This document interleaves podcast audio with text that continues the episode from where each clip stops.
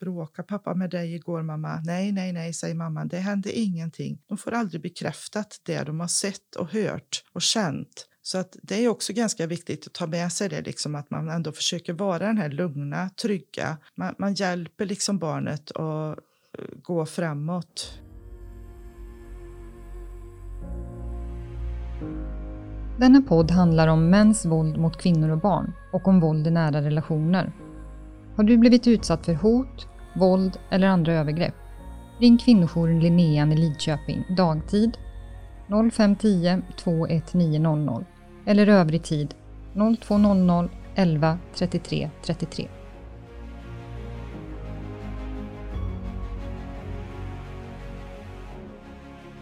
Hej och välkomna hit till våran podd. Idag har vi med oss en gäst, Helena, som arbetar som barnsamordnare på kvinnojouren Linnean. Hej Helena! Hej! Du kan väl börja med att presentera dig lite kort? Jag heter ju som sagt Helena, jobbar som barnsamordnare på Linnean. Och i botten så är jag egentligen undersköterska har alltid jobbat med människor och kom väl på att jag tycker verkligen om att jobba med det friska hos människan. Förstärka det som fungerar och finna glädje i människans liv. Så därför utbildade jag mig på senare år till socialpedagog. Och det var nog med tanke på att jag skulle vilja jobba på en kvinnojour. För de frågorna, mäns våld mot kvinnor och våld i nära relationer, har jag alltid haft stort engagemang för. Och nu gör jag det. Nu jobbar jag här. Det är vi väldigt glada för att du gör. Vad skulle du vilja beskriva lite om din roll på kvinnojouren?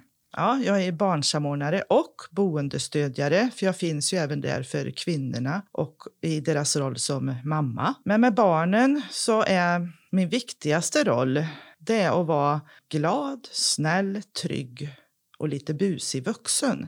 För det är så viktigt att de här barnen det är viktigt att alla barn får ha en normal vardag, men, men de här barnen är det extra viktigt att de får uppleva en så normal vardag som det bara går. Och med mammorna så har jag föräldrasamtal, för det är väldigt viktigt att mammorna får tillbaka sin föräldraroll. De har ofta blivit ifråntagen den av pappan som eh, har utsatt familjen för våld. Och det ser ju vi andra som arbetar på kvinnojouren, hur du hela tiden hänvisar barnen vidare till mamma. Där har ju du en jätteviktig roll, tänker jag, när de söker vuxen, att du också hänvisar vidare till mamma och att mammarollen förstärks i och med det. Då. Mm. Och det är ju så att jag uppfostrar ju inte barnen som är där och jag har inte ansvar för barnen utan det är mamman. Och det beror ju på att vi vill verkligen stötta mamman i att just vara mamma. För det är, det är mycket som sker i både kvinnor och barn när de är hos oss. Så att de behöver stöttning, de behöver inte någon som eh,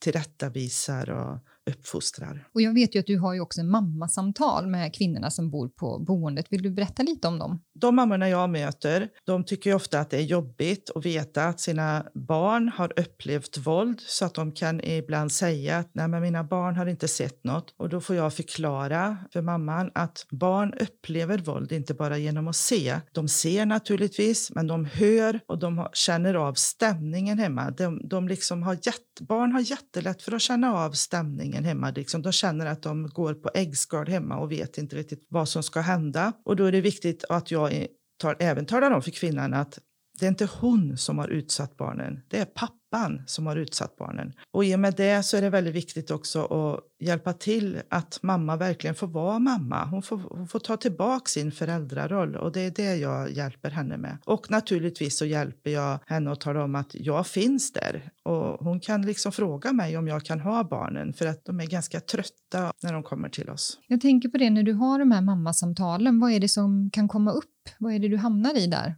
Först och främst så kan det ju göra mamman väldigt ledsen för det är ju nu som hon liksom kanske kommer på eller ja, får en insikt om eh, hur, vad som har hänt eller vad, hur barnet har upplevt våld och vad det har gjort med barnet. Jag tänker, du pratade ju lite om det här med att, att man inte har pratat om vad som faktiskt har hänt utan en typ av tystnadskultur. Vad händer med det sen med mamman och barnet när de kommer till kvinnojouren får möjlighet att prata med dig? Ofta så, mam mammorna vill. Mammorna vill för att barnen ska prata. Sen bara att de kanske tycker att det är jättejobbigt för de då förstår nu att barnet är, har blivit påverkat. För samtidigt då så kan de ju få en trygghet i att veta att ja, nu kan Helena prata med mitt barn och det kanske liksom blir lite bättre. Så att, så att det är ju både en insikt om som gör dem väldigt eh, rädda och oroliga men samtidigt en trygghet när de känner att nu kanske det kan bli lite bra då. Jag pratar inte med barnen utan mammans tillåtelse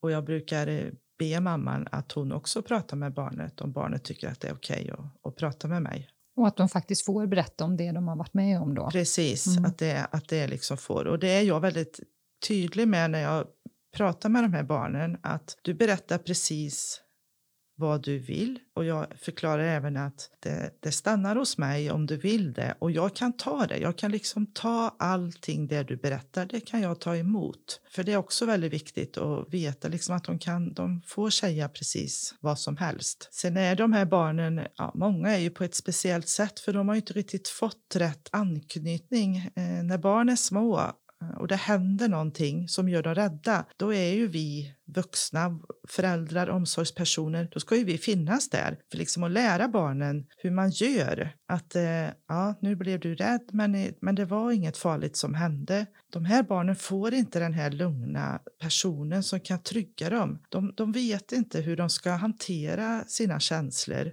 För att det är just när man får veta hur man ska hantera sina känslor, det är då liksom vi vet, det är då kunskapen kommer att, ja just det, så gör man. Så nästa gång det händer så vet barn att ja just det, nej, men det var ju inget farligt och så kan de hantera situationen. De här barnen de kommer aldrig dit. De kommer bara till känslan och den känslan är att de är rädda. Så nästa gång det händer, då blir de rädda. De kommer aldrig till kunskapen hur de ska göra för att hantera sina känslor och det är det vi måste hjälpa de här barnen med.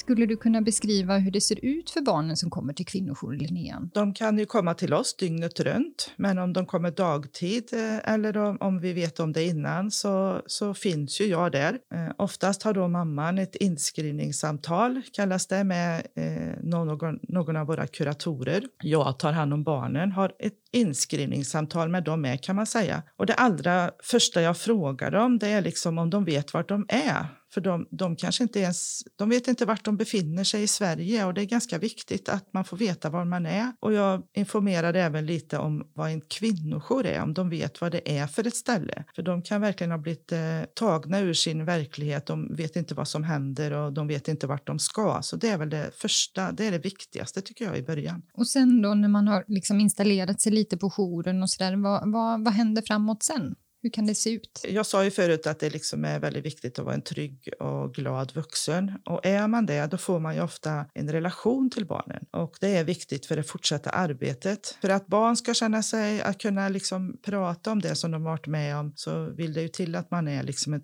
trygg människa och att de litar på mig. Så det är väl det jag försöker göra de första dagarna, veckan, det är att skapa en, en god relation till barnet. Eh, och det gör man ju ja, bara genom att finnas, bara finnas ute i lokalerna och leka med barnen. Och ungdomar kan man kanske inte leka med, men man kan hänga med dem lite. Och jag vet ju också att i det vardagliga, som ju är ett redskap liksom för dig, tänker jag, med, med leken, men också när du träffar de yngre, så brukar ju barnen och ungdomar öppna upp sig ganska fort och prata med dig. Ja, och leken är ju väldigt bra för då är det någonting man gör och, och efter någon, när de har bott hos oss någon vecka eller två då, då börjar det liksom sippra lite, eh, brukar jag säga, ur, ur de här barnen. De börjar att prata lite. Man behöver inte säga så mycket utan man behöver bara liksom bekräfta det de säger och lyssna på dem. Det räcker väldigt långt. Och sen har jag ju stödsamtal med barnen där de väljer själva vad de eh, vad de ska berätta. Jag tvingar inte något barn till någonting, utan jag, jag lyssnar och frågar. Och är det så att de inte vill prata så informerar jag ändå lite om eh, vad våld är och att det inte är deras fel, det som hänt. Det är väldigt viktigt. Många barn känner väldigt stor skuld, att det är deras fel, det som har hänt hemma.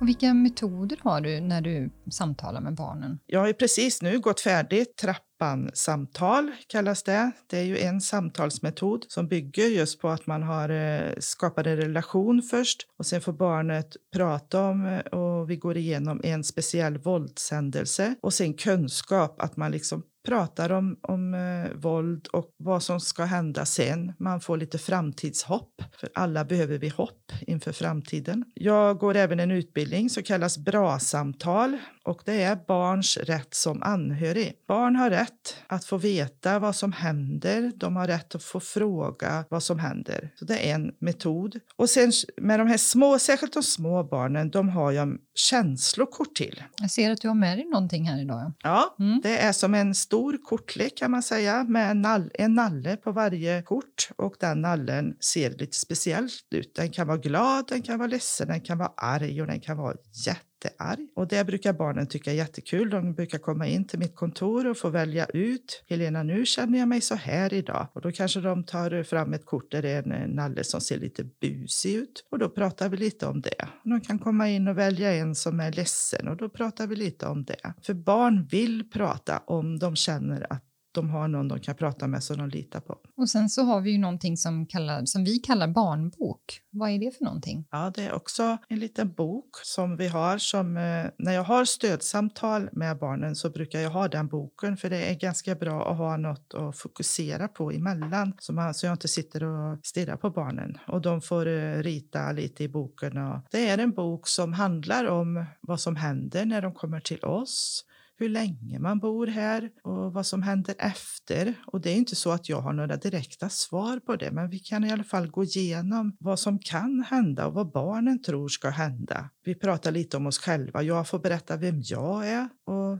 barnet får berätta vem den är. Men du, jag funderar lite på också, för vi har ju det här när barn kommer till Linnean gällande förskola och skola. Hur fungerar det när man bor på ett skyddat boende? Ja, om det kommer barn som är i grundskoleåldern och förskola och gymnasium naturligtvis så sätter jag direkt igång en process med att ta kontakt med elevhälsan som har hand om, om eh, barn som lever under skydd. Då brukar jag flagga för att det har kommit barn så att vi så fort som möjligt att de ska få börja skola, förskola och gymnasie. Det är väldigt viktigt för barnen och det är flera barn som har sagt till mig att Helena, jag, jag trodde aldrig jag skulle längta efter skolan, men det gör jag verkligen. Det är väldigt viktigt att barn får en så normal vardag som möjligt. Jag återkommer till det hur jag. Och jag har också i mina tidigare arbeten när jag har jobbat med lite med ungdomar framför allt som har beskrivit det att få gå till skolan är, är nästan det bästa då under tiden som man bor på skyddat boende utifrån att man, man känner sig som du säger normal och att man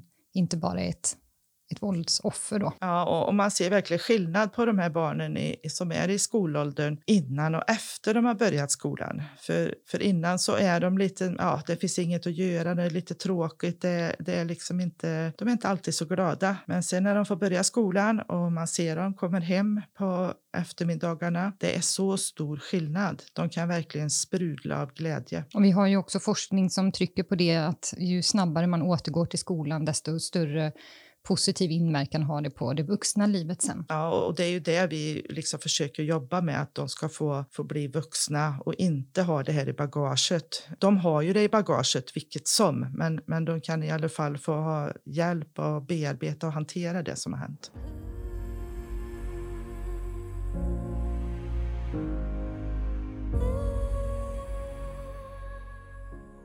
Vad ser du som är din viktigaste uppgift på kvinnojouren Linnéan? Min viktigaste uppgift det är ju att vara den här glada, trygga och lite busiga tanten. Och, och sen är det just att, att se barnet. Eh, att jag jag ser, för, för de barnen som kommer till oss, de kan ju vara på lite olika sätt. En del kanske träffar dem och tänker att det här barnet kanske har en ADHD-diagnos. Det har de oftast inte, utan de här barnen är traumatiserade. De har varit med om mycket. De kanske aldrig har fått det de har varit med om bekräftat. De kan ha sagt att eh, pappa bråkade pappa med dig igår mamma? Nej, nej, nej, säger mamman. Det hände ingenting. De får aldrig bekräftat det de har sett och hört och känt. Eh, och det gör ju något eh, med barnen. Så att det är också ganska viktigt att ta med sig det, liksom att man ändå försöker vara den här lugna, trygga. Man, man hjälper liksom barnet att eh, gå framåt. Och det är ju också någonting som vi kan skicka med, tänker jag, till alla som möter barn, att man vågar ställa den frågan om man märker att ett barn ja, agerar annorlunda eller att man är orolig för barnet. Att, hur har du det hemma? Försiggår det, är det våld i ditt hem? Och det är ju jätteviktigt redan på förskola i tidig ålder att man liksom uppmärksammar att det kanske inte alltid är det man tror utan det kan även vara annat eh, våld i hemmet. Och det är ju en tystnadskultur så de här barnen har ju ofta blivit sagda att det här pratar vi inte om eller det finns inte. Och blir de aldrig bekräftade så tror de ju kanske till slut att det inte finns. Så det är jätteviktigt att vi vuxna runt om uppmärksammar och frågar. Ja, där har vi verkligen en viktig roll att fylla alla tänker jag.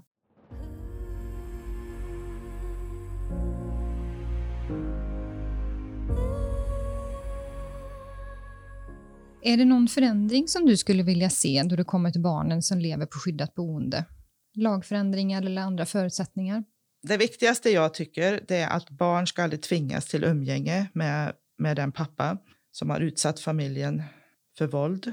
Det är så självklart för mig att barn inte ska tvingas till det. För om, om någon utsätter mig för våld och så ska jag tvingas bo hos den personen sen, det, det, det, är så främmande. Det är ju verkligen det och jag tänker att här har vi massor arbete framför oss för att det är ju inte heller per automatik att en pappa som har mördat mamman blir av med vårdnaden av barnet. Och det tror jag inte heller att man tror att det är så det går till i Sverige idag, men så kan det vara. Det pratas ju mycket om det här nu och det uppmärksammas så jag hoppas verkligen att det går framåt i det. Personligen så anser jag att om en pappa har utsatt barn och familj för våld, då ska han fråntas sin rätt att vara pappa. Han har liksom eh, förbrukat det förtroendet. Det som också är viktigt är att barn får ett eget placeringsbeslut när de kommer till oss. För som det är nu så är det ju alltid socialtjänst som beslutar kan man säga att kvinna och barn ska komma till oss. Kvinnan får ett placeringsbeslut men barnen är medföljande. De hamnar på något sätt i ingenmansland för de är inte placerade hos oss utan det är mamman. Och vad innebär det då? Ja, det innebär ju att de inte får någon egen handläggare på socialtjänst. De har ingen egen utredning utredning. Vad innebär det för barnet då?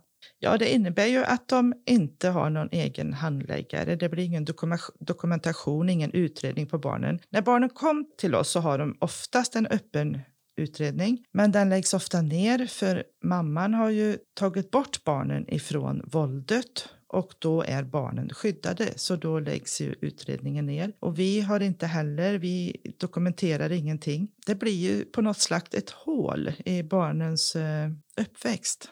Och jag vet ju att du har ju faktiskt ett sätt där för att försöka fylla det eh, utan att vi dokumenterar, utan du gör något annat. Mm, vi försöker ta kort, Eh, fotografera kanske när vi gör någon utflykt. Jag kan fotografera barnet i lekrummet så att de ändå ser liksom våra lokaler lite. Vi gör ett litet fotokollage och så får de ta med sig det. För då finns det ändå någonting på som de kan liksom ta på. Ja, just det, det var där jag var det där året eller halvåret eller månaden som jag inte riktigt minns.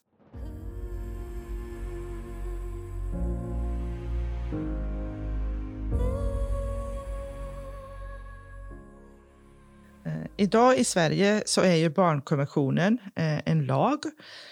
Och det är ju en lag som ska genomsyra alla andra lagar. Fast jag tycker inte vi har kommit dit riktigt än. Jag hoppas att vi kommer dit, för jag anser att föräldrabalken fortfarande är starkare. Att föräldrars rätt till sina barn är starkare än barnens rätt till sina föräldrar. Så jag hoppas att, att det kommer ändra sig med tiden. Jag skulle också säga att jag är väldigt glad att vi har möjligheten att anställa en barnsamordnare på heltid på kvinnojouren Linnean. Och de flesta socialtjänster efterfrågar det idag när de ringer för att höra efter eh, om vi har möjlighet att ta emot en mamma med barn. Och de flesta kvinnojourer i Sverige har också barnsamordnare och det här är personal som finns för barnen och som är professionella och har rätt kunskap. Vi hoppas ju att barnen, precis som Helena var inne på tidigare, ska få ännu eh, mer, eh, starkare plats i samhället och deras röst ska bli än mer hörd. Och där är placeringsbeslut, egen handläggare och att vi också har möjlighet att dokumentera vad som händer för barnen under tiden de är på kvinnojour en viktig del. Och vi hoppas att det kommer att vara eh, en utveckling för arbetet framåt. Tack för att du har lyssnat på vår podd Mäns våld mot kvinnor och barn som ges ut av kvinnojouren Linnean i Lidköping. Producerat ideellt med varmt hjärta av Dotter och Dösa. Vi finns till för att hjälpa kvinnor och barn som lever i en våldsam relation och för att motverka mäns våld mot kvinnor och barn. Vi har tystnadsplikt och finns för dig som behöver rådgivning, stöd, information eller skyddat boende. Har du blivit utsatt för hot, våld eller andra övergrepp? Känner du oro för någon annan i din närhet? Ring oss på dagtid 0510 21900 eller övrig tid 0200 11 33 33. På kvinnojourlinnean.se kan ni chatta med oss alla vardagar mellan klockan 1 och 3 eller skicka ett mejl till kvinnojourenlinnean.telia.com. Vid akut hjälp, ring 112. Du är inte ensam och det finns hjälp att få. Det kommer inte alltid att vara så här.